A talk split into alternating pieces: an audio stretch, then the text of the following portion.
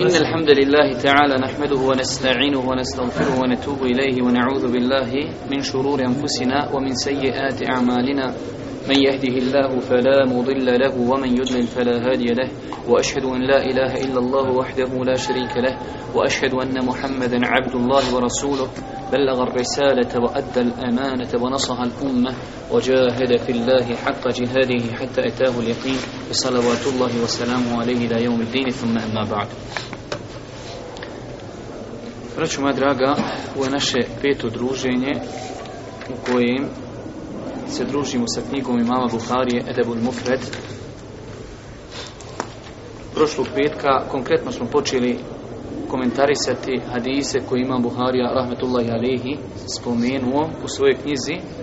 Prva tri predavanja, kao što znate, su bila uvodnog karaktera. U prvom predavanju smo govorili o biografiji imama Buharije i njegovom trudu koju uložio za Allahu Tevaru Kvetala vjeru. U druga dva predavanja smo govorili o načinima kako čovjek može da popravi određene nedostatke koje ima pri sebi. U prošlom predavanju smo počeli komentarisati poglavlje s kojim Imam Buharija započeo svoju knjigu Edebul Mufred, knjiga Edeba, knjiga morala, dobročinstvo roditeljima, kazali smo Imam Buharija i alihi počeo i svoju knjigu ovim poglavljem iz razloga što su roditelji ti koji imaju najveće pravo kod insana. I vidjet ćete, braću moja draga, ako Bog da, mi smo zauzeli taj neki pravac kretanja, da nećemo puno žuriti, ali vidjet ćete znači da postoje hadisi, jer odostojim da se čovjek ne može odužiti svojim roditeljima nikada. Osim u jednoj situaciji, a to je da ih nađe u robstvu i da ih oslobodi iz robstva. U drugoj ne postoji druga situacija kad se čovjek može odužiti svojim roditeljima. Zato ima Buhari rahmetullahi alihi počeo je svoj, svoju knjigu Edebul Mufred sa ovim poglavljem citirajući u samom poglavlju riječ Allah subhanahu wa ta'ala o osajna li insane bi husna mi smo čovjeku naredili da čini dobročinstvo svojim roditeljima. Mi smo prošli put uzeli komentarisali dva hadisa komentar smo hadis Abdullah ibn Mas'uda govoreći prvenstveno o njegovoj biografiji i to će nam biti, vraćamo moja draga, praksa u granicama mogućnosti da svaki put kada dođemo do nekog hajde da kažemo poznatijeg ravije, prenosioca nekoga iz čijeg života možemo toga mnogo naučiti i nekoga za koga bi trebali da znamo određene stvari u životu, mi ćemo se ako Bog da onaj, ajde da kažemo, družiti malo sa tim ashabima. Govorili smo o Abdullah ibn Mas'udu radijallahu ta'ala anhu, njegov hadis znači da je pitao Allah poslanika ali se ratu selam koje je djelo najdraži Allah subhanahu wa ta'ala pa je kazao namaz u njegovom vremenu a u rivajetu namaz u prvom namaskom vremenu nakon toga odmah kaže a šta nakon toga dobročinstvo roditeljima a šta nakon toga borba na Allahovom putu nakon toga smo spomenuli drugi hadis odnosno Imam Buharija ga je spomenuo kao govor Ibnu Omara a Ših Albani Rahmetullahi Alihi koji je znači učinio veliki izmet za ovu knjigu, napisavši znači izvedbu i valorizaciju svih ovih hadisa, kaže da ovaj hadis je vjerodostojan do, do Allahu poslanika alihi salatu wasalam, kao riječi Allahu poslanika alihi salatu wasalam. Riječi da Allahu poslanik alihi salatu wasalam kaže zadovoljstvo gospodara je u zadovoljstvu roditelja, a srđba gospodara je u srđbi roditelja. Prošli put smo se malo zaustavili kod tog hadisa, ja večera samo želim da ne zaobiđemo ovog velikog ashaba, da spomenemo nekoliko stvari koje se vezuju za Abdullaha ibn Omara radijallahu ta'ala anhu.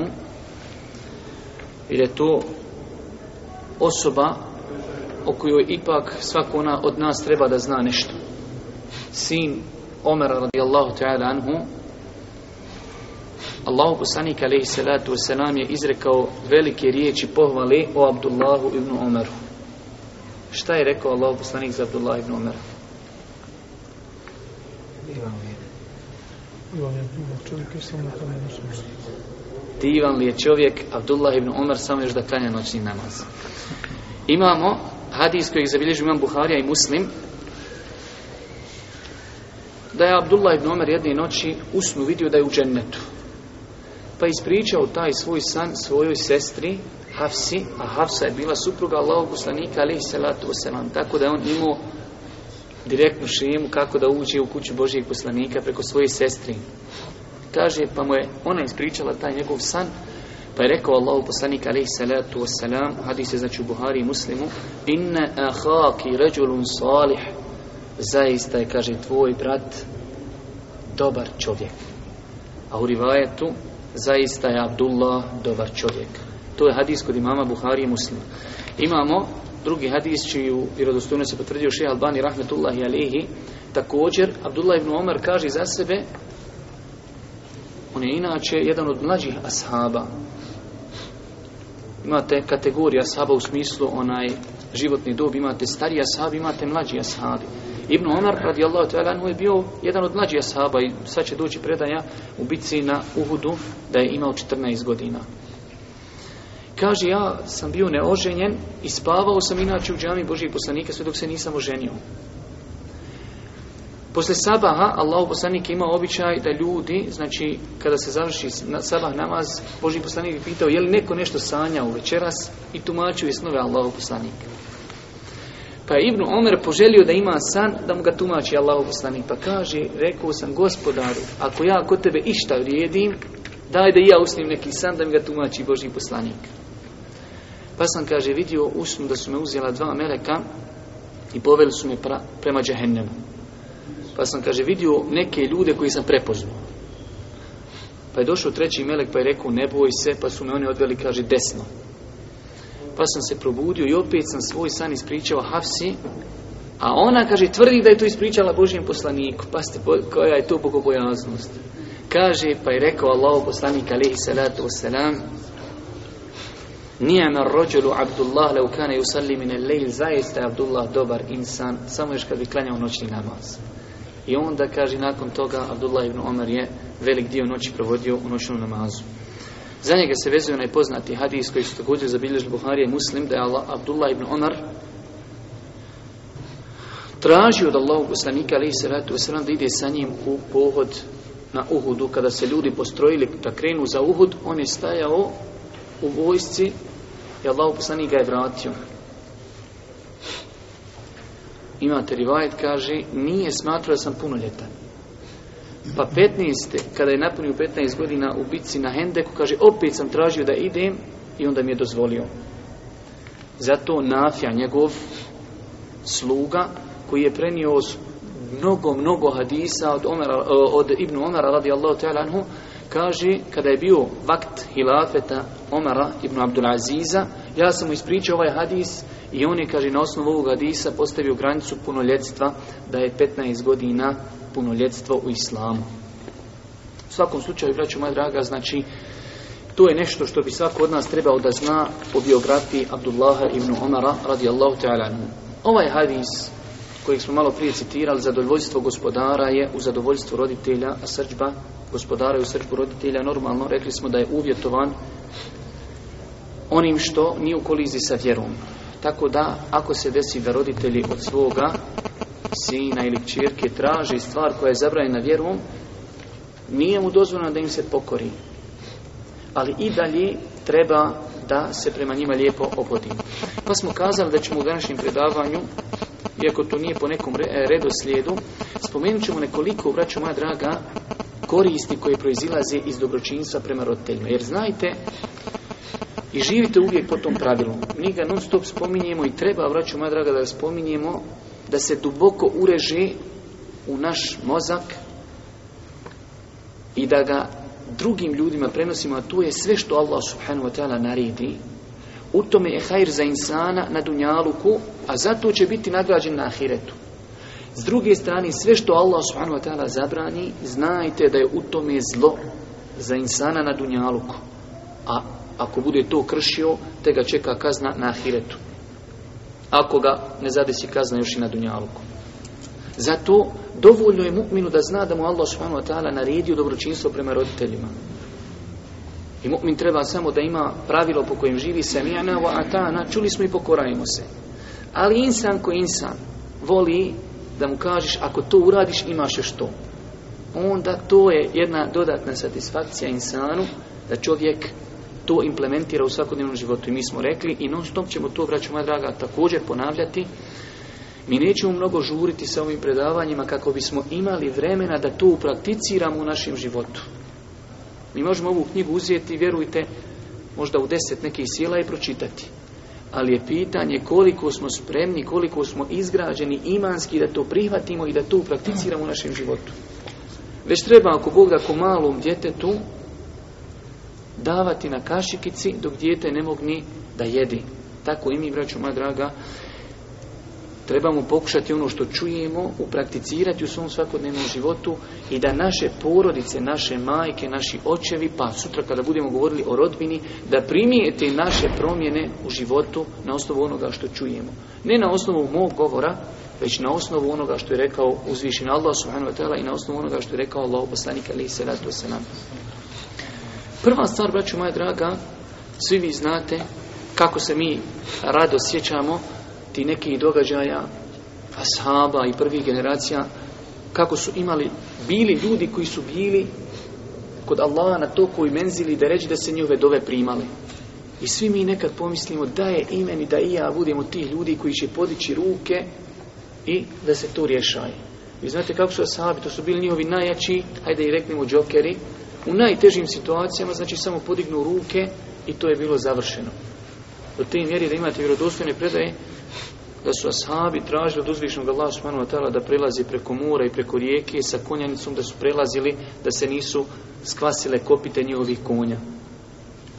Znači, to su, braću moja draga, za njih bila najjače oružje u svakodnevnom životu. Sad je bio klas kada ga je žena potvorila da je uzurpirao zemlju koji je bio bunar, kaže, ako se slagala da Bog da upala u taj bunar i tako umrla. I tako je umrla.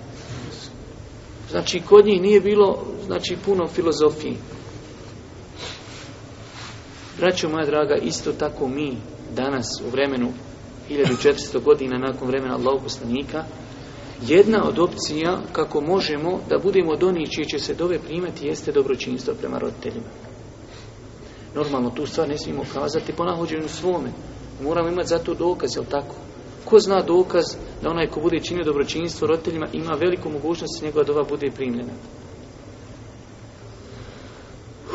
Mašala, jedan, dva, dosta. Tri čovjeka u Jeste, vraćamo. Imamo hadis trojice ljudi u kojima Allah Bosani govori da su trojica ljudi iz prijašnjih naroda putovali pa su svratili u pećinu da noći pa je se oborila jedna velika stijena, zatvorila njihov ulaz i onda oni bez ikakvih mobitela, bez ikakvog interneta, imajući znači direktnu konekciju sa uzvišnim Allahom subhanahu wa ta'ala, kažu nas ne može ovdje ništa spasti osim naša dobra djela koja smo činili.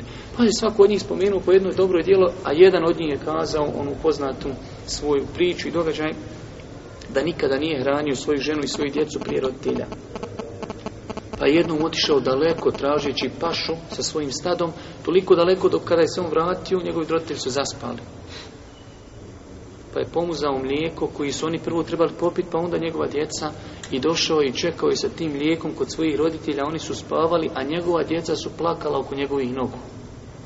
I čekao je sabaha sve dok se nisu roditelji probudili, pa im je dao, kaže, popite vi, nakon toga što stani djeci. Pa kaže, gospodar, ako sam to uradio iskreno radi tebe, Daj da se ova pećina pomakne, pa se pećina pomakila. Imamo isto događaj sa poznatim tabirinom, za kojeg Allah poslani kaže da je najbolji tabirin, ko je to? Uwais el-Qarani, imate taj rivajet kod imama muslima, da je bio mu steđabu dova, da je bio od onih ljudi čija se dova primala, čak Omer, kad bi god neko došao iz Jemena, kaže, ima li među vama čovjek koji se zove Uwais al Farani? Kada je došao jedne prilike, kaže, traži Allah od Allah da mi oprosti. A šta je Omer? Kaže, čuo sam Allah koji da je rekao, doće vam Uwais al-Harani, čini dobročinstvo svojoj majici, zato njegova doma je Kabul kod Allaha primljena, tražite da on moli Allaha za vas da se vama oprosti. Omer, kojim je džennet obećan u viši vjerodostojnih hadisa, traži od njega da moli Allah za Omera. Sve su to hadisi koji potvrđuju da dobročinstvo roditeljima je jedan od razloga da dova roba bude primljen kod Allah tbarka. Također, svaki insan bi trebao da žudi, da stremi ka tome, braću moja draga, da sretni Allah subhanahu wa ta'ala na sudnjem danu sa što manje griha, naročito u današnjem vremenu, svi mi definitivno, počevši od predavača pa nadalje, imamo grijeha za izvoz. I svako od nas bi trebao maksimalno se potrudi da traga za metodama kako da se riješi što više grijeha. Jedna od metoda jeste, braću moja draga, dobročinstvo prema roditeljima.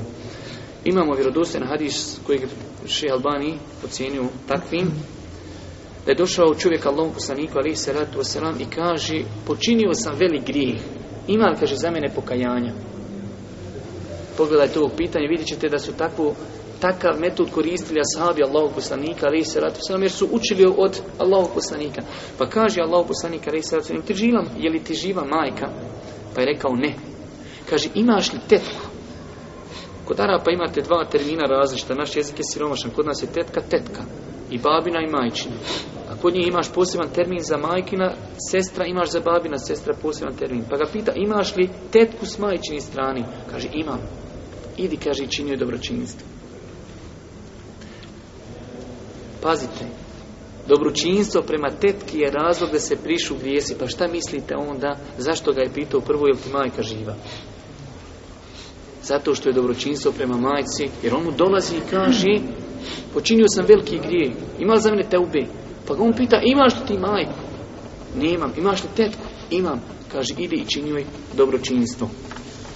Također, braćo moja draga, nerijetko nam se dešava da čovjek u životu svome osjeti da mu stvari u životu ne idu kako bi on želio.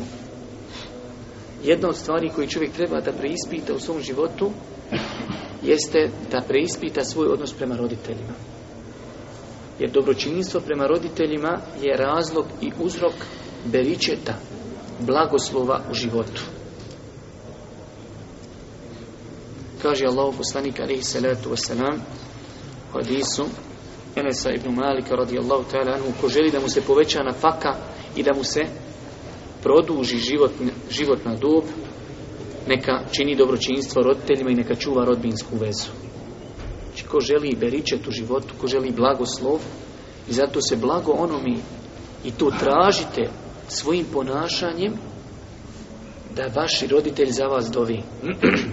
Govorit ćemo i o tome ako Bog da kroz, naša ders, kroz naše dersove kaže Allah poslanik Felatu da'avati vjerodostojan hadis tri dove se ne odbijaju la šepke nikako nema sumnje da li se kod Allaha primaju jedna od njih je dova roditelja nema ti većeg hajra da ti kaže tvoj mama i babo Allah ti dao sve najbolje živ ti meni izdrav bio Allah ti podario džennet, Allah te blagoslovio. To znači ne možeš ništa bolje dobiti. Zato se blago onome kome dovi njegovi roditelji, a teško se onome protiv koga dovi roditelji. Zato islamski činjaci kažu koliko god da se čovjek naljuti, treba se paziti da ne dovi protiv svoje djece, jer je velika mogućnost da njegova dova bude prihvaćena. Kod Allah te barek Zato, vraćam moja draga, znači, jedan jedna od koristi dobročinstva prema roditeljima jeste blagoslov, lijep život, beričet u životu i na kraj kreva i beričet u znači čovjekovom životu u kontekstu znači jer kada je u pitanju život, dužina života, dužina života je znači određena i zapisana u Leuhi al Mahfuvu, ali određen broj učenjaka kaže da se ovo odnosi da će Allah tvar podariti čovjeku beričet u njegovom životu kad se kaže dužina života, da će mu dati beričet. I to je poznata stvar. Primjer, radiše u Lislavim je napisao knjigu Asitijsku akidu od Ikindije do Akšama. A mi danas sjedimo i možda i godinu dana treba nekome da pročita dobro to djelo i da ga dobro istudira i da ga dobro shvati. Znači, bilo je više beričeta u njihovom životu i njihovim onaj djelima. Također, svi mi žudimo i to je najveća želja svakog od nas, a to je sresti svoga gospodara u džennetu nagradi koju on pripremio za svoje robove. A vraćamo moja draga, to se također može postići dobročinstvom prema roditeljima.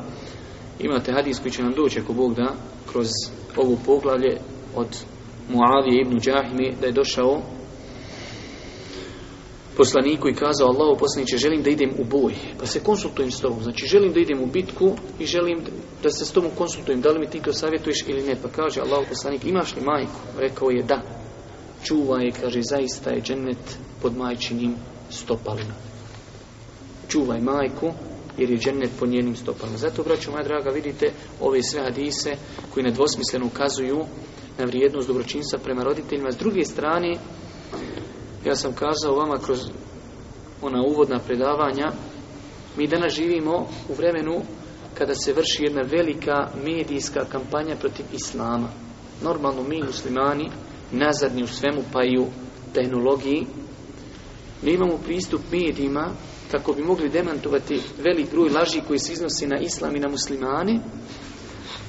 Jedino i najbolje oružje koje posjedujemo mi, pod navodnim znacima oružje, jer mi muslimani ovu riječ ne smijemo nikako ni spominjati, jer je u pitanju lov, zecova, kamoli, nešto drugo, najbolje oružje koje mi posjedujemo jeste praksa. Da praktično ljudima kažemo da je laž ono što se govori o islamu i muslimanima.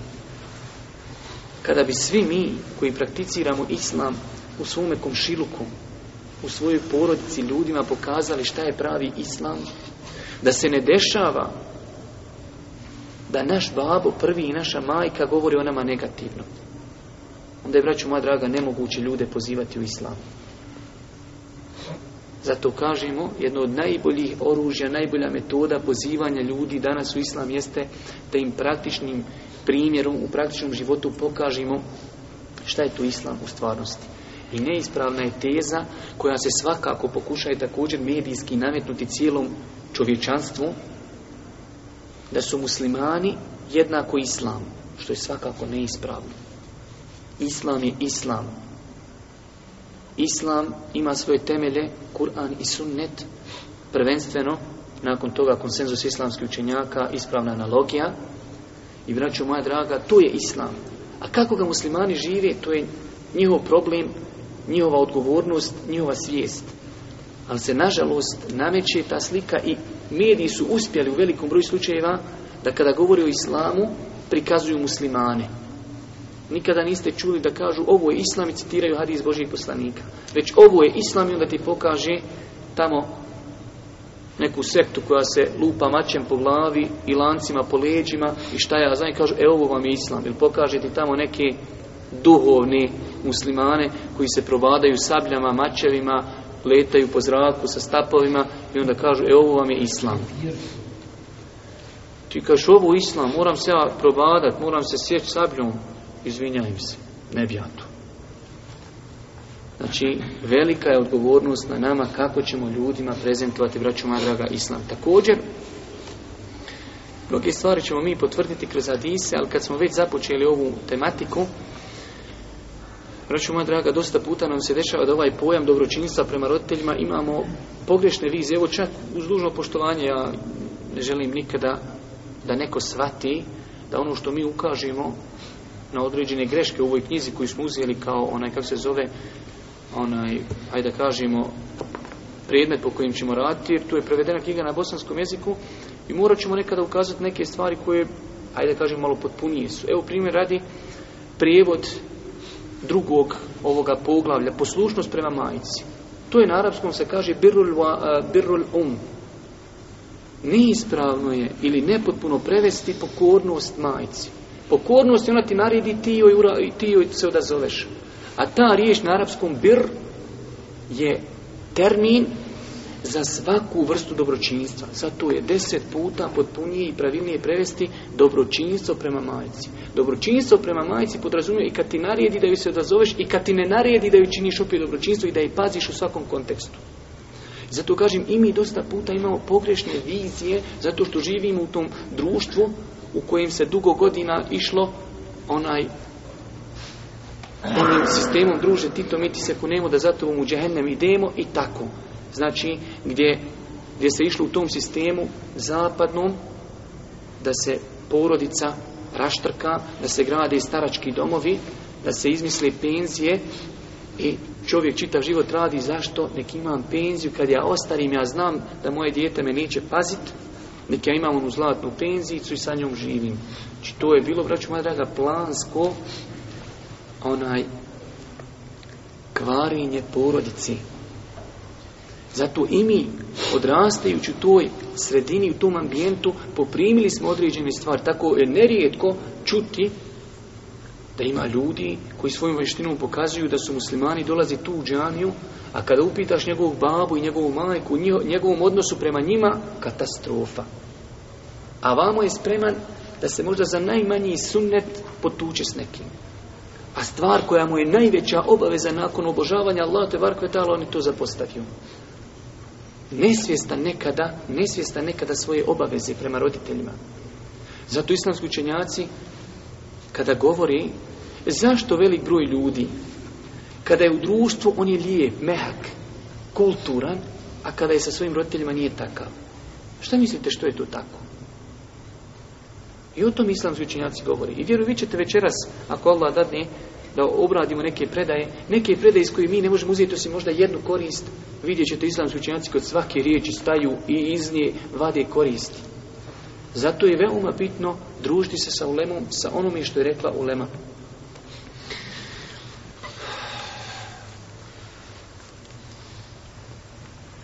Prva stvar, braću moja draga, koju želim da spomenim, vezano za dobročinstvo roditeljima, čovjek treba da zna da čovjek treba da se pokori roditeljima u svemu što nije u koliziji sa vjerom. Ali evo da odgovorimo na ono pitanje zašto se ljudi ponašaju u društvu lijepo, prema roditeljima se ne ponašaju lijepo. Iz jednog jednostavnog razloga. Zato što znaju da u društvu kojim kotiraš, društvo te hoće prekrišti ako si nekulturan. Ljudi neće da sjede sa ljudima koji su nekulturni. Ljudi neće da se druži sa ljudima koji ne znaju cijeniti hajr i dobro učinjenu uslugu. Dok prema roditeljima možeš im okrenuti leđa kad god hoćeš. Zašto? Zato što si ti dio njega i on ti nikad neće, za, nikad neće zahatoriti. Zato ti se upustiš od malena i onda jednostavno prema roditeljima možeš svakako. A kada si u društvu, Boga mi paziš na svaki izraz, paziš na svaki postupak. Zašto? Zato što će to društvo tebe kroz te tvoje postupke gledati i vrednovati. A roditelji, imam ja posebnu deređu kod roditelja. Prva stvar, braću moja draga, čovjek treba da zna da mu je obaveza da se pokori svojim roditeljima u svemu što nije u kolizi sa vjerom. U svemu. U svemu, braću moja draga. Također, čovjek treba da se trudi, znači prvo treba da im se pokori. Druga stvar, veći stepen od toga, da im čini dobročinstvo na svaki mogući način. Šerijetski dozvoljen, normalno. Nekada je tu osmijeh. Kao što navodi učenjaci, kada budemo govorili o onome događaju Đurejđa, on je tu spomenut, jedna od koristi koja se uzima iz tog velikog događaja, mi ćemo možda cijelu noć govoriti o događaju o Đurejđu, kada njegova majka njega traži i zove, a on klanja i nije tio da prekine na filu, pa je dao prednost na fili nad odazivu majci. Kažu islamski učenjaci, jedna od koristi iz ovog događaja jeste da majka ima želju da vidi svoje dijete, samo da ga vidi. Tako i mi, jedan od vidova dobročinstva prema roditeljima jeste da odeš majci, sume babi, da im odvedeš sutra unučad. Jer je poznato da roditelji 99% otvoreno kažu više voli unuče nego dijete svoje. I treba paziti na njihov odnos, na, na njihovu ljubav prema tim unučadima. Ne samo dijete nazove unuče deda i kaže kako si dobro sam izašao stvar. Drugo je tu, a drugo je da on vidi to unuće, da vidi kako ono trči. Da ga posjeti na tebe kad si bio u To su stvari, znači, ne samo da se trebaš pokoriti onome što ti traži, čak šta više, na svaki dozvoljen način da im činiš dobročinstvo. Također, braću moja draga, da ih pokušamo razveseliti na svaki mogući ispravan šerijetski način. Također, da se pazimo prigovora. Općenito, braću moja draga, prigovor uvjeri u šerijetu je pokuđen i zabranjen. A kako tek prema onome prema kojim se ne možeš nikad iskupiti, njemu ne smiješ pomisliti da prigovoriš. Nažalost, dešava nam se, sjedi, pa zar vam nisam dao sto maraka prije šest mjeseci? Zar vam nije dosta? Da Bog da vi se zasitili. I takve izraze slušamo, znači, kada je u pitanju, od, pa zar vam nisam došao prije tri mjeseca, šta hoćete, da vam svaki dan visim kod vas. Ne merem, stignite. I tako. Znači, braću moja draga, nema prigovora na dobročinstvu roditeljima. Prigovor je u osnovi pokuđen, a kamo li pokuđen prema roditeljima. Tu ne smije da bude, braću moja draga, nikako. Također, večeras ćemo o tome govoriti, od potpunosti dobročinstva prema roditeljima jeste da se daje prednost majci nad babom. Mi jesmo svi muškarci i neka smo, ali je vjera vjera i temelji vjeri su temelji. Nemoj sutra kad imadneš djecu i dijete bude dalo prednost majci nad tobom da se ljutiš. Ne smije on tebe zakinuti, ali mora dati majci prednost NATovom. tobom. Boži poslanik, kao što ćemo vidjeti večeras u ovom hadisu, tri puta. Kome je da čini dobročinstvo? Majci. Kome je da čini dobročinstvo? Majci. Kome je da čini dobročinstvo? Majci. Kome je nakon toga? Babi. Mi smo imali prvo poglavlje gdje Allah subhanahu wa naređuje muslimanima, ljudima, da budu pokorni roditeljima dobročinstvo. Znači, roditeljima osnovu naredba da se čini dobročinstvo. Ali prednostima majka. I ne smije niko u srcu da nešto osjeti. Majka ga je nosila u stomaku, ti to nikad nisi znao. Majka ga je rodila, ti to ne možeš zamisliti s kakvim bolovima. Majka ga je odgajala, majka ga je hranila iz svojih grudi, majka ga je presvačila. Tebi jednom u tri godine mati kaže, haj promijenimo pampers, ti po, po crveniš, po zeleniš, poplaviš, što ja moram, smrdi, ne mere, nikako. Jednu noć čudiš da se dijete probudilo dva puta, sutra kosa ovakva, ku ježa. A majka ono svaku noć budi po deset puta. I onda hoćeš da budiš ko majka na stepenu. Ne može. I ne smiješ se ljutiti. To je Allahova vjera. Da je privatiš tako. A i racionalno, razumski možemo dokučiti zašto ova vjera naređuje da se majci da više veća prednost. Također, da im pomognemo u granicama mogućnosti u njihovim poslovima. Također, da se u granicama mogućnosti odazovemo njihovim pozivima i da njima damo prednost nad našim dobrovoljnim ibadetima. Kada je Islam preporučio da se daje prednost bratu muslimanu na dobrovoljnim na filama, šta misliš onda kako da daješ babi i majci na prednost na dobrovoljnim na To islamski činjaci kažu na osnovu onog opet hadisa Đuređa, kad si u namazu na fili, ako te zove mama i ako znaš da će se naljut, ako ne prekineš namaz, prekidaj namaz i javljuj se. Znači, pravo majke, pravo roditelja je veliko do te mjere da i moramo dati prednost nad svim dobrovoljnim ibadetima. Također, jedna veoma velika stvar zapostavljena kod nas, a tu je da odgajamo svoju djecu da poštuju naše roditelje moramo odgajati, to je obaveza. Da djeca od malena odraste da znaju da dedo i nana, to je tvoj babo i tvoja mama, imaju svetost u islamu. I da od malena pazi kako će se ponašati prema njima. Također, braću moja draga, velika stvar zapostavljena također, a interesantna i stvar koju možemo pridobiti ljubav svojih roditelja i njihovu pažnju, da ih konsultujemo. Sutra hoćeš pokrenuti biznis, dođeš kod majke i babi. A njima je dovoljno samo da ih upitaš. On će sam kazati, ti sine, kako ti misliš. Ali oni su shvatili svoju veličinu zato što si samo pitu. Ja bi da se ženim, ja bi da otvaram firmu, ja bi taj posao, ja bi da putujem, ja bi to, šta vi mislite o tome? Oni će te, šta ti sim pa ja bi tu, bismila, nek Allah budi na pomoći. Osim ako vidi da je dalalet i zabludan Dođeš, kaš babo, misliš koliko da uzmem dozu droge, 20 i 30, a nemoj si morali kako bez toga. Normalno je to. Ali ga pitaš o ili stvarima, normalno će ti reći, sine, kako ti vidiš? Ali si mu time dao do znanja da on ima svoje mjesto kod tebe. Da ti nećeš radit osim s njihovom dozvolom. Hoćeš kupit plac zorište, o šta mislite? Evo ja sam ured kupio, ali šta vi mislite? Daješ im do znanja da je to već tvoja ali evo ipak imate. Ma maš, vino, bismila. Znači, velika je tu stvar njima. I tu treba, braću moja draga, svakako onaj oživljavati također. Ne smijemo zaboraviti na svoje roditelje u dovama.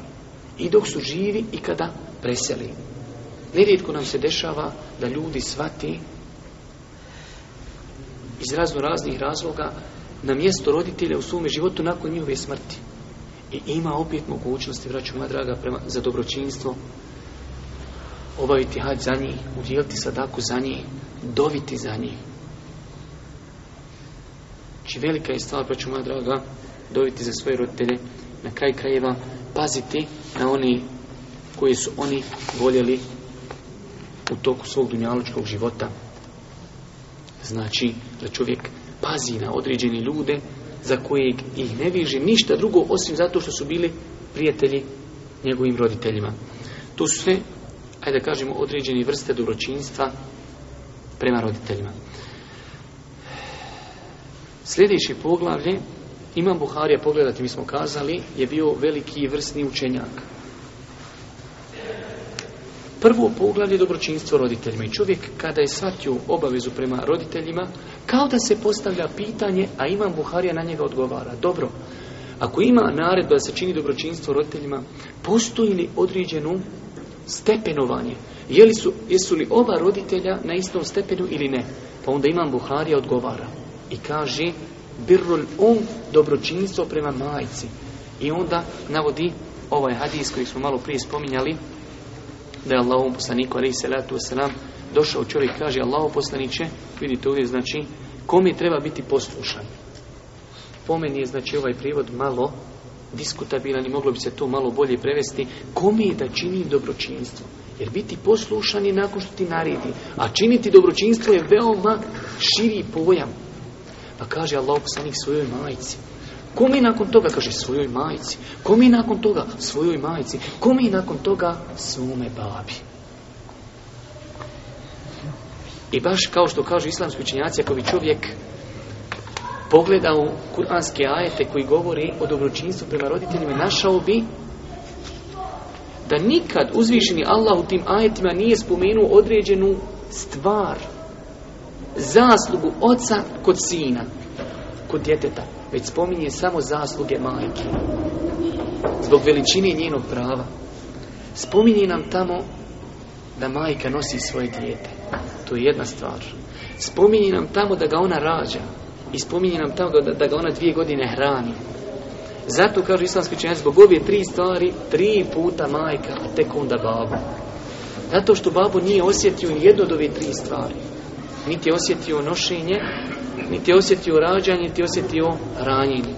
Čak ima tamo jedna priča koju možete možda negdje naći i prevedenu, gdje se jedna žena sporila sa svojim mužem oko djeteta, kao kom je da ga kadija do, dodijeli. Pa kaže kadija ženi, hajde bujrum ti kaži. Kaže ona kadija, ja sam ga veli nosila. Ja sam ga nosila, ja sam ga, kaže, rodila, ja sam ga hranila. Sad dolazi ovaj malo filozofski, pokušajući da malo kadiji baci praš u oči, ili ne bi kadija nagio na njegovu stranu. Kaže, kadija dragi, ja ga nosio prije što ga ona nosila da prostite, kaže, kao onu. to je na arapskom puno manje vulgarno kod nas, pošto je takav jezik, ne možeš kod njih ima, znači roditi isti glav, Kaže on, ja ga rodio prije što ga ona rodila. Ili iz mene izišlo prije što je iz nje izišlo.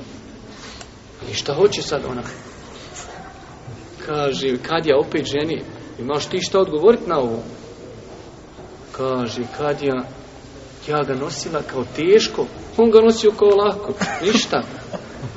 Ja ga rodila s bolovima, on ga, kaže, i sebe izbacio sa slašću. I e, kaže, pusti mi se tvoje filozofije ženje djeta Znači, žena ima veliko pravo koje čovjek uopšte ne osjeti. On je tamo, vi znate svi koji ste oženjeni.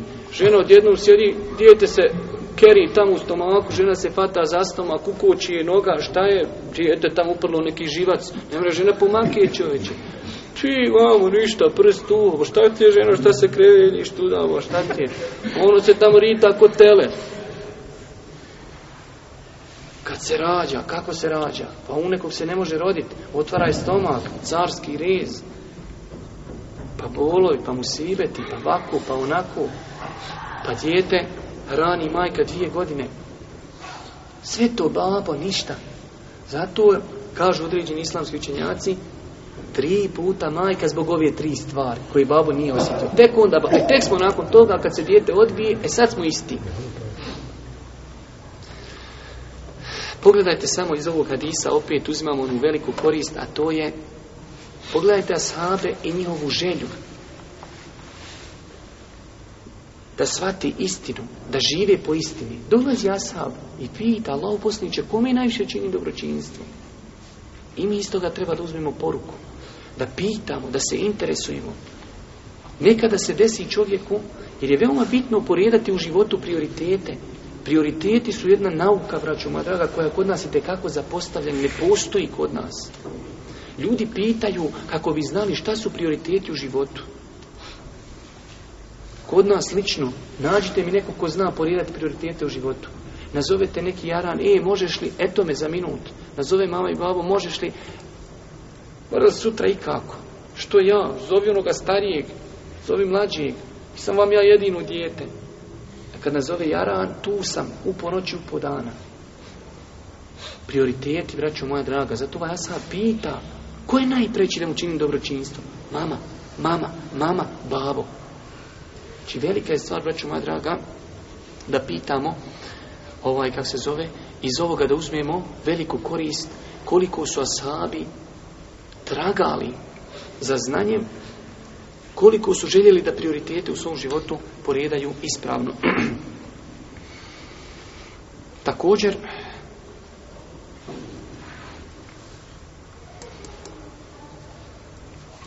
Ovaj hadis nam jasno ukazuje i to smo potvrdili i time ćemo završiti u smislu onaj ponovo da to rezimiramo, znači majka u pogledu dobročinstva ima prioritet. Sada ćemo vidjeti, nakon toga nam dolazi Imam Buharija, kako se ljudi ne bi, hajde da kažemo, pogrešno shvatili, pa kažu majka ima prioritet, to znači babo ne treba nikako. Ne. Vidjeli ste na kraju četvrti, babo. I babi se, je obaveza čin dobročinstvo. Samo je znači u pitanju, braću moja draga, redoslijed i prioriteti. Nakon toga imamo ovdje ovaj dodatak gdje kaže Allah poslanik nakon toga ocu, a nakon toga bližnjima pa bližnjima od rodbini. Isto tako znači prioriteti da ljudi što su ti rodbinski bliži sve su preći da im činiš dobročinstvo.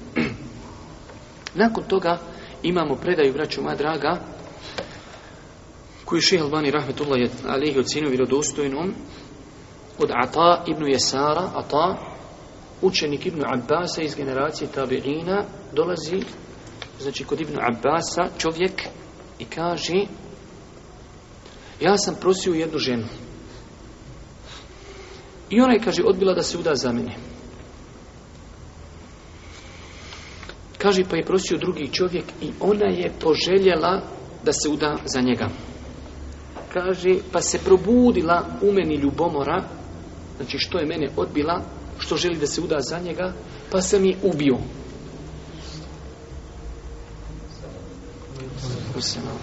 Pa sam je, kaže, ubio zbog toga. Kaže, ima li te ubi za mene? pita on Ibnu Abbasa, ima li teube za mene? Kaže mu Ibnu Abbas, ummu kehajje, jel ti majka živa? Isto ono što je pitao poslanik ali salatu wasalam. Istu stvar ćete vidjeti da će pitati Ibnu Omer.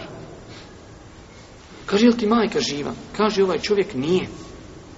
Pa mu kaže Ibnu Abbas, radijallahu ta'ala anhu, pokaj se Allahu, prva stvar a zatim pokušaj da se približiš Allahu i me i pokornošću što više mogniš. Nakon toga dolazi Ata, njegov učenik. Nakon toga, on kaže Fezeheptu. Znači, to je prošlo je vrijeme, oni se rastu sa njim, pa je otišao nakon toga i kaže, pa sam ga pitao, dobro, što ti njega upite, ti majka živa? Ja još nisam shvatio logiku, pitate čovjek, ubio sam ženu. Ima li pokojanje? ti ga pitaš jel ti mati živa? Kakve veze tu ima? Nisu tu, ko kod nas odeš tamo kod nekog hađi bube, pa ti kaže kak ti me mami, kak ti me babi, dođi sutra i završena stvar. Njemu nejasno će da mu odgovori, iako su Sabi, daleko od toga. Pa mu kaže Ibn Abbas radijallahu ta'ala anhu, ja kaže ne znam bolje djelo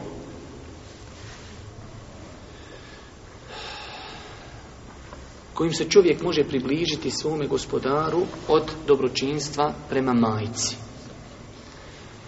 Mi ćemo evo opet po ovom našem običaju malo se zaustaviti ovdje kod ovog našeg radije, Ibnu Abbasa jer je on specifična ličnost i večeras ćemo eto govoriti o dva ashaba Ibn Abbas, braćo moja draga, je također jedan od mlađih ashaba velik broj hadisa koji prenosi od Allahog poslanika prenosi uz, znači, posredstvo nekoga sahaba. Ibn Abbas, braćo moja draga, je zaslužio svojim ponašanjem više puta da Allah poslanik za njega dovi. A blago se onome za koga dovi Allahu poslanik, alaihi salatu wasalam. Pa primjera radi, Imate vjerodostojne hadis kojeg su zabilježili Buharija i Muslim da je Allah poslanik jedne prilike otišao u nužnik. Pa je Ibn Abbas pripremio Božjem poslaniku vodu za abdesta kad iziđe da može abdestiti. Pa kada je vidio, znači nije mu kazao, već je sam skonto Allah poslanik ode u nužnik, kada dođe on će mijenjati abdest. Pa mu je pripremio vodu za abdest, pa kada je vidio Allah poslanik, kaže, ko je ovo učinio? Kaže Ibn Abbas. Kaže Allah poslanik, alaih salatu wasalam, Allahumme faqih fit gospodaru, daj mu da razumije vjeru. Ovaj hadis se dosta puta prevodi pogrešno. Gospodar, poduči ga vjeri. Podučiti vjeri i dati razumijevanju vjeri su dva različita pojma. Mi najbolje bosanci to znamo na svojoj koži kada imate čovjeka koji zna Kur'an na pamet, a ne zna ništa šta piše u Kur'anu. Ima znanje kojeg ne razumije. Zato nije znanje, znanje da nahiv zaši naučiš, već je znanje, znanje koji razumiješ. I zato ćemo vidjeti također u vjerodostojnom hadisu da je Ibn Abbas jedne prilike otišao kod svoje tetke imuni, koja je bila supruga Allahog pa je noćio kod nje, pa je Allahog u toku noći ustao da klanja. Pa Ibn Abbas ustao da klanja s poslanikom. Pa je stao na njegovu lijevu stranu. Dvojica ljudi kada klanjaju u džematu, imam stoji na, znači, na lijevoj strani, a Muktedija stoji s desne strani. On je njemu stao, znači, s lijeve strane, on je, znači, bio na mjestu imama. Pa ga je Allah poslanik uzeo, proveo i postavio sa svoje desne strani. Ibn Abbas, znači, se odmake unazad. Kada je završio Allah poslanik, ali salatu wasalam, kaže Ibn Abbasu, što se bolan odmake od mene? u namazu. I ovo je dokaz da ljudi kad klanjaju dvojica ne treba onaj jedan se malo nazad, već trebaju biti u istoj ravni. Što se kaže odmakeo nazad? Kaže Allahu poslaniće, ti si Allahov poslanik. Zar doliči nekom da stoji s tobom u istoj ravni u safu? Pa se Allahov poslanik iznenadio njegovoj pronicljivosti, njegovom poštovanju Allahu poslanika, pa Allahov poslanik dovio Allahu subhanahu wa ta'ala za njega, da ga Allah subhanahu wa ta'ala poduči tumačenju Kur'ana, da ga poduči propisima vjeri također. Abdullah ibn Abbas radijallahu ta'ala anhu kao što je zabilježeno kod imama Ed Darimija sa vjerodostojnim lancem prenoslaca je bio izuzetno pronicljiv. Kada je Allahu poslanik umro, on je bio dječak. Znači, na granici punoljetstva tek. I on je došao jednom Ensariji i kaže, kada je umro Boži poslanik, kaže, hajmo tražiti znanje. Pogledaj koliko sada sahaba ima, svaki asab ima nešto od Allahog poslanika. Hajmo tražiti dok ima njih, sad tu pomrijeće oni. On je gledao daleko. Kao što mi trebamo gledati daleko, kada imamo dersu ovdje od nekoga koji je učen, ne mislim daleko to od toga na sebe, ali govorio sam o tome kada sam, kada je šest Safet, Allah ga iskušao da ima operaciju, što ne znači da će taj ših Safet živjeti ko Nuh i selam, već možda ga Allah iskuša da vodi sa Dunjaluka prije nego što mi pokupimo od njega znanje. Zato ga treba iskoristiti dok je tu, prisustvovati njegovim dersovima, učiti od njega. Tako Ibn Abbas je shvatio da ono što imaš ne mora znaći da će ostati vječno. Ljudi odošli, ljudi umiru. Pa kaže ono u Mensari, hajmo tražiti znanje. Pogledaj, kaže, koliko je ashaba, kaže njemu ovaj ensarija. Pa zar misliš, kaže, volim da će nekad neko tebe trebati. Vidi koji su ashabi, oni gledaju gledao skroz drugačije. Ma kaže, ti si bolan iz 20 godina, ko će tebe kad trebati? Kaži, hvala Allahu, da je dao Ibn Abbas da ga nije poslušao. Kaže, pa sam ga ostavio i krenuo putem traženja znanja. Gdje god sam čuo za kojega Sava da zna hadis Allahog poslanika, nisam ga zvao, već bi mu otišao. Pa kad bi našao čovjeka, kaže da spava kaj lulu, odmor, prije podnevni ili poslije podnevni, ništa, ja nikog ne zovem, uznemiravam. Svoj, kaže, ogrtač na njegov prag i spavam. Vjetar, kaže, me zamete prašinom, ali ja spavam, čekam. Ovaj čovjek krene izići, op, na mene nogom. E, to mi treba. Kaže, ti si Amidžić Allahovog poslanika, šta trebaš, otkud tu? Kaže, čuo sam da znaš taj hadis. Pa što nisi rekao da, da ne treba, doćemo mi tebi. Ne, ne, ne, ti si, kaže, preći da ja tebi dođem. Znanju se dolazi na noge. Znanju se dolazi na noge, ne dolazi znanje.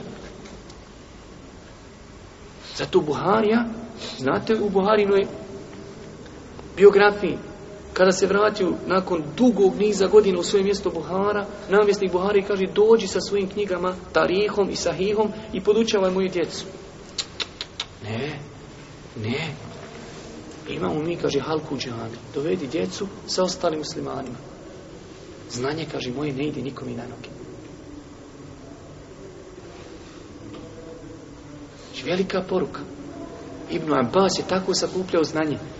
Pa kada su asabi pomrli, Ibn Abbas postao osnova. Pa onaj Ansarija ugledo ljudi oko njega, Ibn Abbas, glavni muftija, glavni alim, glavni učenjak. Kaže, zaista je ovaj mladić bio mnogo pronicljiviji od mene. Ali gotovo, što kaže naš, naš, naš narod, prošla kola, mimo plast. Oni koji su sa sela znaju šta znači tovar kola koja prođu mimo plasti. Kola, ko će tovariš sino na kola, moraš parkirati blizu plasta. Kad kola prođu mimo plasta, konji ne mogu curiknuti nazad, a ti moraš bacati tam daleko. Da se ti slomiš. Zato kažu ljudi, prošla kola mimo plasta. E tako, i ova insarija, gotovo, prošla kola mimo plasta. A sahavi pomrli. Sa što bi ti i došao u pameti, nije od koga. Tako isto danas. Ako danas se možemo kupljati i učiti i imamo od nekog učiti, to ne znači da ćemo ovako 50 godina. Allaha mi znaju momci ovi kod koji sam ja dolazio na Briješće gore. Ja kad sam prvi put gore otišao pa drugi, pa svaki put sam i rekao pazite na ovu blagodat. Mešćid imate u internatu, gdje učite ezan da čitav internat zvoni od ezana. Imate grijanje u mešćidu. Imate imama koji predvodi vas u namazu, imate dersove. Vidite li, reko, da nam ljudi iz Turske i Hilafeta dolazi u Bosnu studirati. Rekao, jel mislite što mu potrajati? I Allah nije dao, znači dao je da je 3-4 mjeseca nakon toga taj mjesec zatvori. Nemoj da mislite da će se i ovdje sjediti 100 godina. Ne mora značiti. Mnogo je bilo vremena jači kada je bila islamska država jača kada je, kada je u Lemi bilo zabranjeno da drži dersove. Zato vrijeme blagostanja, rahavata, znači rahav, blagostanja treba iskoristiti. Iskoristiti. Šta fali doći na ovakav ders, ne ovakav, bilo kakav. Šta bi čovjek radio sad kod kući? Pogledao bi dnevnik, napumpali bi ga sa novim nekim informacijama, dezinformacijama i eto ga. Znači, vraću moja draga, svakako treba iskoristiti ovo vrijeme Ibn Abbas, poznat po svojoj pronicljivosti, kao što je zabilježio imam Buharija, rahmetullahi alihi, poznati događaj svima nama, Omer radi Allahu ta'ala znajući vrijednost Ibn Abbasa, stavio Ibn Abbasa u šuru s kojim sam konsultovao. Hadisi u Buhari. Pa su ljudi stari, ashabi, kažu, Omer, što će ovaj malac sa Mi imamo velike sinove čoveče on s nama se ovdje gura u šuri kod tebe. Kaže Ibn Abbas, pa me jedne prilike Omer pozvao da dođem. Kaže, znao sam Allah da me ne zove, osim želi da im pokaži koliko ja znam.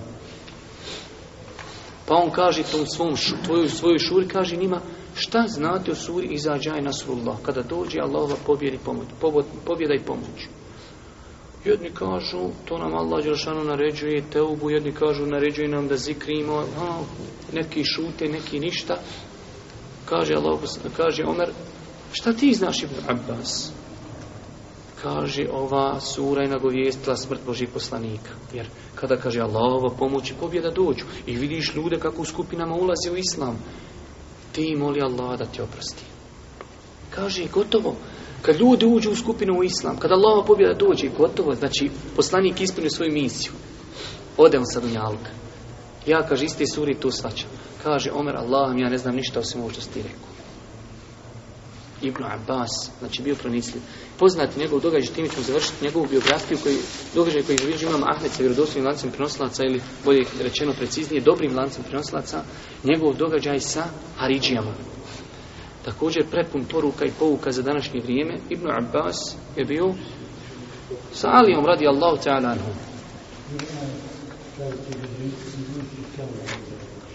Kada je Alija odlučio da povede rat protiv Haridžija, kaže mu Ibn Abbas, ebrid bis sala, ne malo odgodi namaz i pusti mene da idem tamo da sa njima raspravljam i razgovaram. Kaže Alija radi Allahu anhu, bojim se za tebe, ne boj se, kaže, za mene bit će sve u redu. Pa sam se, kaže, obukao najljepšim udjelom kojim sam imao i otišao sam u njihov logor. Pa sam ih, kaže, zatekao, nikad nisam vidio takve ljude da se na njihovim licima vidjela pobožnost, tragovi seđdi, ali dalalet.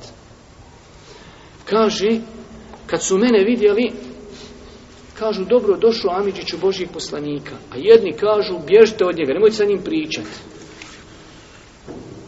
O tome ćemo govoriti ako noćas dođemo. Znači, sistem novotara je odani svoje sljedbenike od ulemije. Ti se nametni ko šehol islam i je od tebe istorija počinje i ko tebe završava. Ne da im da se sretnu sa ulemom. Kažu jedni, nećemo bježite od njega. Kažu drugi, daj, pusti čovjeka ne priča. Kaže on njima, ljudi, šta zamjerite Amidžiću Allahu poslanika Ali radi Allahu ta'ala još je spomenuo neki odlike Ali radi Allahu ta'ala Spomenuo je da je on prvo dijete koje je primilo Islam. Kažu oni, mi njemu zamjerimo tri stvari. Prvu stvar dozvolio je poznat onaj događaj kada je znači bio sukob on i Muavija, da su dogovorili da dvojica ljudi dođu, predstavnik Muavije, predstavnik Alije, da se dogovori, da nađu rješenje. Kaže, on je dozvolio tahakum, da dvojica ljudi donosi rješenje, znači Allah Jošanu ne dozvoljava da sudi i kosim Allah te kvetana i presuđuje. Kaže, oni šta je, jel samo to ima još? Šta je? Kaže, on je iz svog imena, znači, odbio je lekab i titulu emirul mu'minin, vođa pravovjerni. I druga stvar, on je ratovo protiv Aiši. Kaže, ratovo je protiv muslimana, nije uzimao od njih ganimu, ratni plijen, nije uzimao ratni plijen. Šta ćemo sa tim?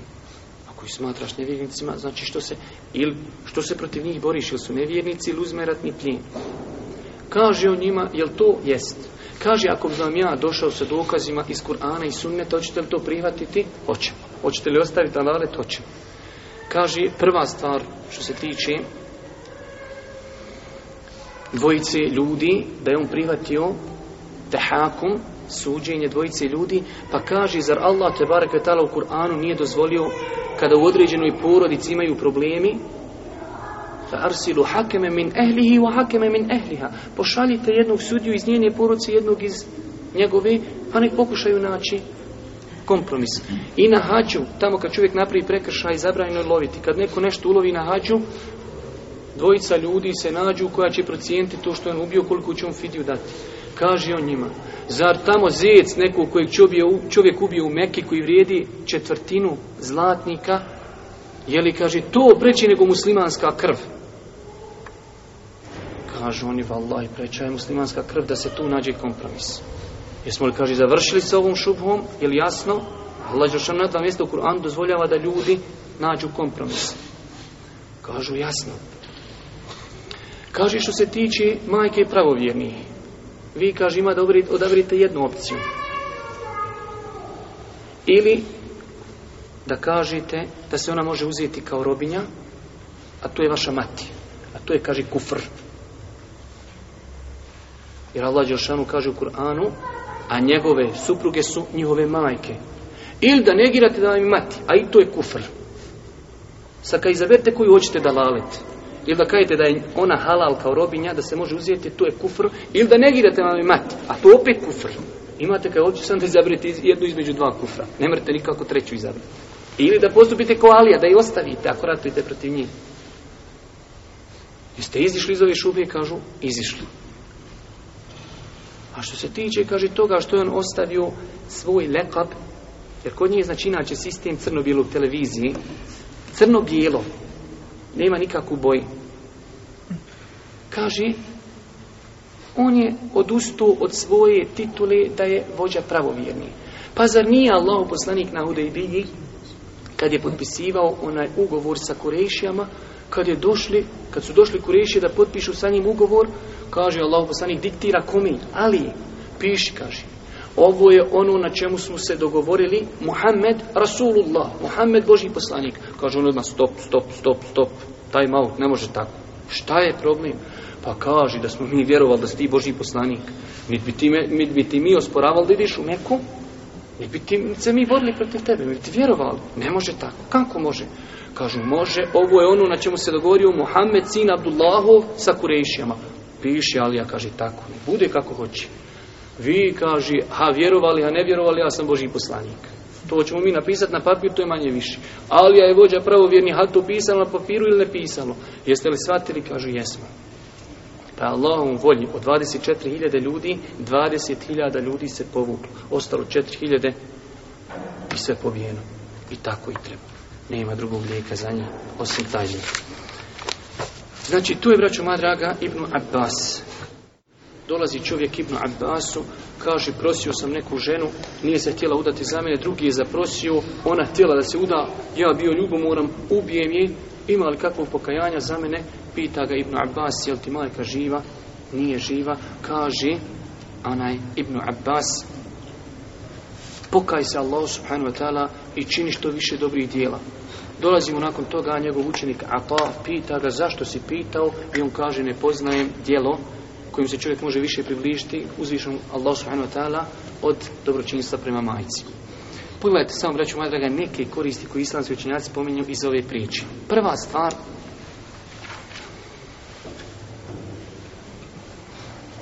pogledajte ovog čovjeka. Kaže, pa se probudila ljubomora u meni, pa sam je ubio. Ljubomora je i tekako pohvalno svojstvo u vjeri. Ali isto tako, braću moja draga, i mnoge druge stvari uvjeri su pohvalne, ali pretjerivanje u njima je pokuđeno. Kaže Allah poslanik, niko se nije hrvao sa vjerom da ga vjera nije nadvladala. Vi znate onu trojicu Saba koji su došli Allahom poslaniku, njegove kući pa kažu, kad su pitali Allahom poslaniku i njegovom namazu, postu, kad su čuli, kažu, pa smo mi u svega toga. Kaže jedan, što se mene tiče, ja od sad svaki dan postim. Drugi kaže, što se mene tiče, ja više se nikad ženit neću, treži kaže, ja ću svaku noć klanjati nama. Zamislite sad kada bi nama neko došao i kaže, ja od sutra postim svaki dan. E, aferin ti, e, ti, ma nema bolje god tebe. Dođe drugi kaže, ja ću svaku noć klanjati noć namaz po cijelu noć. E, aferim ti, vrat. E, nema bolje god tebe. Tako bi mi gledali, ali nije tako Boži poslanik gledao. Kaži, jeste vi to rekli? Jesmo. Kaže, ja postim, ali i mrsim. Ja se ženim. Ja klanjam noću li Ovo je moj sunnet, ko od njega odustani nama ne pripada. Isto i ljubomora. Ljubomora je pohvalna, ali u granicama. I pogledajte kad iziđe određena stvar uvjeri iz granica.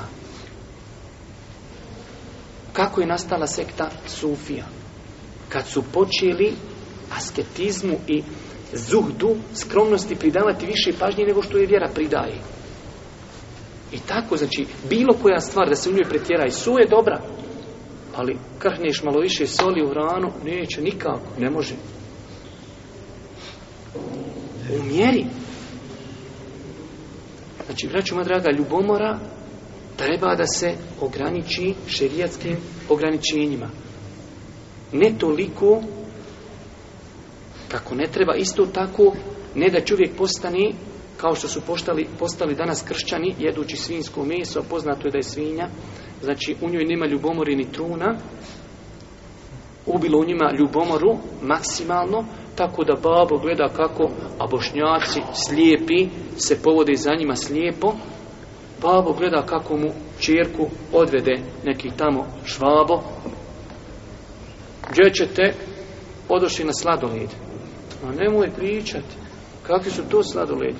Naveći u 12. Jedete sladoled noćas od 8 sutra do sabaha. Otići vam krajnici, ako toliko budete sladoleda jel Ode razgoličena, ode vaka, dođe pjana, dođe drogirana i on, on siroma to ništa ne vidi. Znači ljubomora treba da ima granice. Druga stvar, braću moja draga, kaže li min teube. Dolazi čovjek i kaže, imam li ja pravo na pokajanje? Čovjek, kao ovaj insan, nikad ne treba da iskubi nadu Allahu milost. Pogledajte, ubio insana. Allah subhanahu wa u suri kada čovjek pročita ajet koji govori o zabrani ubijstva, znači kakvim kaznama se prijeti, koliko znači žestoke kazne, ali opet ima pokajanje. Vi znate onaj hadis, možda ćemo nekad isto imati priliku da ga detaljnije obrađujemo. Čovjek ubio 99 ljudi. Sljedeći dana dođe taj čovjek kaže, ja sam ubio 99 ljudi, mogu se pokajati. Ma kako te nije sti da pitaš? Češ pita, 99 ljudi ubio. I pitao je on Zahida, Abida, pitao je kaj mogu se ja pokajati, ubio 99 ljudi. Ma kako te nije, ćeš ti se pokajati? A on sablju i njega, hop, sto, a ošao poslije toga učeno. Kaže, mogli se ja pokajati? No, ko kaže, ti sprečaj da se pokajiš? Učen. Allah oprašta sve grijehe. I mi danas živimo u teškom vremenu, ali nikada ne treba gubiti nadu. Onaj koji se nikad ne prijezni, ne gubi nadu. Možda će ti sutra doći reći, mogli se pokajati? Možeš. Ne smiješ dozvoliti da te emocije ponesu. Ti popio rakije više nek cisternu. I još se pokajati. Može se pokajati. Treba ljudima govoriti da su vrata te ubije kod Allaha te bar tela otvorena 24 sata. Posticati ljudi na teubu. Ovo je velika korist, braću moja draga. Nadu u popravak i teubu ne treba nikada gubiti. Također, Ibn Abbas kada odgovara ovom čovjeku, pogledajte kako mu odgovara. Prvo pita ga imaš li majku? Dobro, o tome mi cijelo vrijeme govorimo vrijednost majke u islamu. Nakon toga kad kaže nema majke, kaže pokaj se Allahu, prva stvar. I druga stvar, čini dobra djela, približuj se gospodaru. Znači to je ispravna vizija ubi. Pokaj se i okreni novu stranicu i počni raditi i vadite i dobra djela. Pokaj se, danas kažeš gospodaru, kajim se i opet sutra isti scenarij. Tu je već upitno koliko se ti iskreno pokaju. Ali pokaj se, okreni novu strancu u životu i nastavi sa činjenjem dobrih djela. Također, pogledajte, to nismo možda ni prevodili, dolazi Ata i kaže, par dana prošlo, ili minimalno nije u istom sjelu. Kod nas se nerijetko dešava, čovjek nešto priča i odmah čovjek nije nešto shvatio, Čekaj, čekaj, da mi nešto pojasni. Sačekaj, možda će za minutu to čovjek pojasniti što ti hoćeš da pitaš. Sačekaj. Od kulture govora je da sačekaš da čovjek završi govor, možda će ono što ti hoćeš pitat spomenuti. Ako ne spomeni, nakon toga upitaj. Znači, ne treba, opet što bi naš narod kazao, trčati pred rudom. Također, pogledajte bogobojaznosti Ibn Abbasa. Pita njega Ata radi Allah, eh, rahmetullahi alihi, zašto si ga, kaže, pitao njegovoj majci? Ja ne kontam šta je veza njegove majki i grijeha. Kaže Ibn Abbas, a ko je bio Ibn Abbas? Jeste vidjeli ko je bio Ibn Abbas? Čovjek koji je bio u šuri kod Omera. Čovjek koji je Boži poslanik dovio za njega da ga Allah tela poduči propisima vjeri, da ga poduči tumačenju Kur'ana. Kaže on, inni la a'lamu. Ja ne znam djelo, ja ne znam djelo kojim se čovjek može Allahu više primakijeti i približiti od dobročinstva prema majici. On ne kaže ne postoji djelo. Toliko učen, toliki hadise zna, živio sa Allahovim poslanikom i opet ne kaže ja ne znam, ovako je. On kaže ja ne znam. Gdje je nama ta preciznost u govoru i gdje nam je ta bogobojaznost? Gdje nam je tolerancija? Ovako je, nikako drugačije. Ja sam pokupio pamet cijelog svijeta. Svi moraju ovako gledati. Pogledaj sa Abbas, njegove skromnosti. Kaže, ja ne znam dokaz. To ne znači da nema dokaza, ali ja ga kažem ne znam. Ja ne znam djelo da ima vrijedniji. Možda ima, ali ja ga ne znam. I zato, braćo moja draga, velika odgojna korist iz ovoga jeste poštovanje drugih. Neumišljenost. Koliko god da naučiš ilmu i znanju kad daš sve od sebe, sve. nuć dan ne spavaš. On ti zdadne, ti dadne samo jedan dio. Sad, kad bi neko od nas pošao, počeo tražiti znanje, dobro, temeljito, tvrdo, samo da savlada tefsirsku znanost, hadijsku znanost, do kraja života to ne može izučiti. Kamo fik, kamo akida, kamo tefsir, kamo arapski jezik, kamo druge znanosti u islamu. I čovjek prisustuje tri kursa, pet predavanja, pročita dvije brošurice, tri imaju recezenta, četiri nemaju, šest su pisali Ebu, četvorca Ibn i tako i on postaje šehul Islam Ibn Tejmije. Sve zna. Dešava nam se druga stvar. Naučimo određene stvari iz i prakticiramo u redu. Zato ja dosta puta kroz predavanja ljudima govorim o mezebima i razilaženjima. Mi nekad nismo svjesni da nas naš ših naučio da određena stvar ima podlogu sunetu rijedu. ali ne znaš da možda četiri meseva stoji na, nasuprot tog mišljenja. I ti sutra vidiš čovjeka ne praktikuje ono što ti praktikuješ i ti mu reagiraš, a ne znaš da ima jako podlogu za tim. Ja ću vam neskoliko hoćete primjera. Možda će se neko iznenati, ja sam stava. To ne znači sad da neko prozivam, tako mi Allah. Ja sam stava da ne treba čovjek da nosi odjeću ispod članaka. Boži poslanik je to zabranio. Ali većina u Leme smatra da je to dozvoljeno, da je samo pokuđeno nositi odjeću ispod članaka. Ali mi u određenom momentu čovjeka samo gledamo kroz prizmu nogavica. Ne znajući da većina u to ne smatra spornim. Ili koliko hoćete drugih primjera. Čovjek ti dođe i pita, kaže, nosi li ti žena nikav? Kaže, ti nosi. Kaže, u redu, možeš mi doći na sjelo. Ako ne nosi, nije ja ti ništa. Pa čekaj, koja je to škola? Koji je to mesec? Ne nam to ti kaže. Ima, da. Ulemi koja kaže da je to obaveza, ali većina ulemi tri mjeseca kaže da je to samo sunnet. I mnoge druge stvari. Znači moramo se naučiti tolerisati druge ljude. Ne samo da uzmiš jednu stvar i gotovo pokupio pamet cijelog svijeta. Pogledajte Ibnu Abbasa. Ko je Ibnu Abbas? Najveći tumač Kur'ana. On kaže, ja ne znam dokaz. Ali ne kažem da ga nema. To je velika stvar i preciznost u govoru. Mi kad govorimo, u nas je sve ono ko što narod kaže pet džuturi.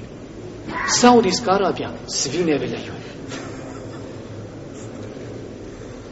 Ne znam ni ja, neka druga država. Albanci, sve to ne velja. Kosovo, sve to ne velja. Bosna, svi valjaju. I tako. Pogledajte kod njih preciznosti. Stroga preciznost. Pogledajte knjige imama Buharije u kojima on govori o prenosiocima hadisa, da je ocjenu za njih da su povjerljivi ili nisu. Kako su to precizne riječi. Zato Imam Buharija kaže za sebe, nadam se da ću doći pred Allaha da nisam nikogo govorio. A napisuje tomove knjiga u kojima je govorio, ocjenjivao ljude, da li su vjerodostojni ili nisu. Ali dođe čovjek koji kaže, fihi nevar. Kaže, o njemu se može raspravljati. Ništa. To će za imam kad imam Buhari rekne u njemu se ima raspravljati gotovo x. Ništa nije leko loše o njemu. Kaže, u njemu se ima raspravljati samo. Gotovo. Ništa znači, ili o drugim, pogledajte imama Zehebija, ima veliku knjigu Sijar el Alam en Nubela, knjiga u 25 tomu, 24 toma se štampa. To su samo biografije učenjaka. I kaže, bio je učen, bio pobožan, bio ovakav, bio onakav, na kraju kaže, ali je bio Rafidija nas Rafidija. U džehennem odmah ga zaključi ga i završena stvar. Nema tu kako, ne može nikako uspjeti. Ne, ne smiješ nikako spomenuti, razumiješ? Ili kaže, bio je takav, takav, takav, takav, takav, sve postim. Ali kaže, bio vođa Murđija u svome vremenu. Kod nas ako si Murđija, i ako nisi, jesi Murđija. Prvo ako nisi, jesi. To je prvo. Ali ako nisi, znači prvo ako nisi, jesi. Ali ne do Bog da jesi. Ti si u džehennemu, nema teorije da izađeš iz njega, nikako. Džeta imame Vehebi, koji je učenik Šihul Islam ibn Tejmije, koji je naučio Šihul Islam ibn Tejmije kako se živi, na kojeg se mi pozivamo svakim danom Šihul Islam ibn Tejmije, ibn Tejmije, ibn Tejmije, da je nešto naučio ibn Tejmije. Či znači, budi musim, budi, odgovoran kad govoriš, spomeni čovjekove pozitivnosti, on kaže ima i negativno u svojim. Kod nas je, zato kažem, crno-bijeli TV, još mi ne pratimo tehnologiju. U nas je crni ili si bijel. U nas nema nikako sredina. A što je, braću moja draga, problem. Kod nas čovjek, šta ja znam, vidimo čovjeka tamo negdje, možda za i Drinu ili šta ja znam, gotovo, x. Možda čovjek klanja bolanoćni namaz. Možda čovjek plaći od straha prema Allahu. Može čovjek podijelio para koliko ti nisi nikad ni vidio, kamo da si ih podijelio. Možda je čovjek od Allaha teži od Bog zna koliko ljudi. Ali eto Allah ga iskušao da ima manu. Određenu koju ne može sakriti pred ljudima. Znači ne može, vraću moja draga, da ljude vrednujemo samo po jednom njihovom dijelu života. I to nije pravednost. Pravednost je da ljude gledamo kroz čitav njihov život. To ne znači tolerisanje grijeha. To ne znači opravdanje zašto što neko griješi. Ni u kom slučaju. Ali pozivamo se na ulemu, pozivamo se na, na ono što, kako su nas učenjaci učili. Da gledamo na ljude, objektivno. Da vidimo njihove pozitivnosti, ali isto tako da ukažemo na njihove negativnosti. Kada kažem, reću moja draga, ova priča nosi u sebi mnoge koristi, a nakon čovjek šturu kad je pročita na brzinu, možda ne bi se zaustavio i kod jedne ove koristi. U svakom slučaju, molim Allah subhanahu wa ta'ala da ono što smo čuli bude korisno za nas, molim Allah subhanahu wa da nas učesti u teškim vremenima, molim Allah subhanahu wa da nas poduči propisima njegove vjeri, molim Allah tabaraka ta'ala da olakša našoj braći muslimanima gdje bili i na kraju subhanika Allahumma wa bihamdika ashhadu an la ilaha illa anta astaghfiruka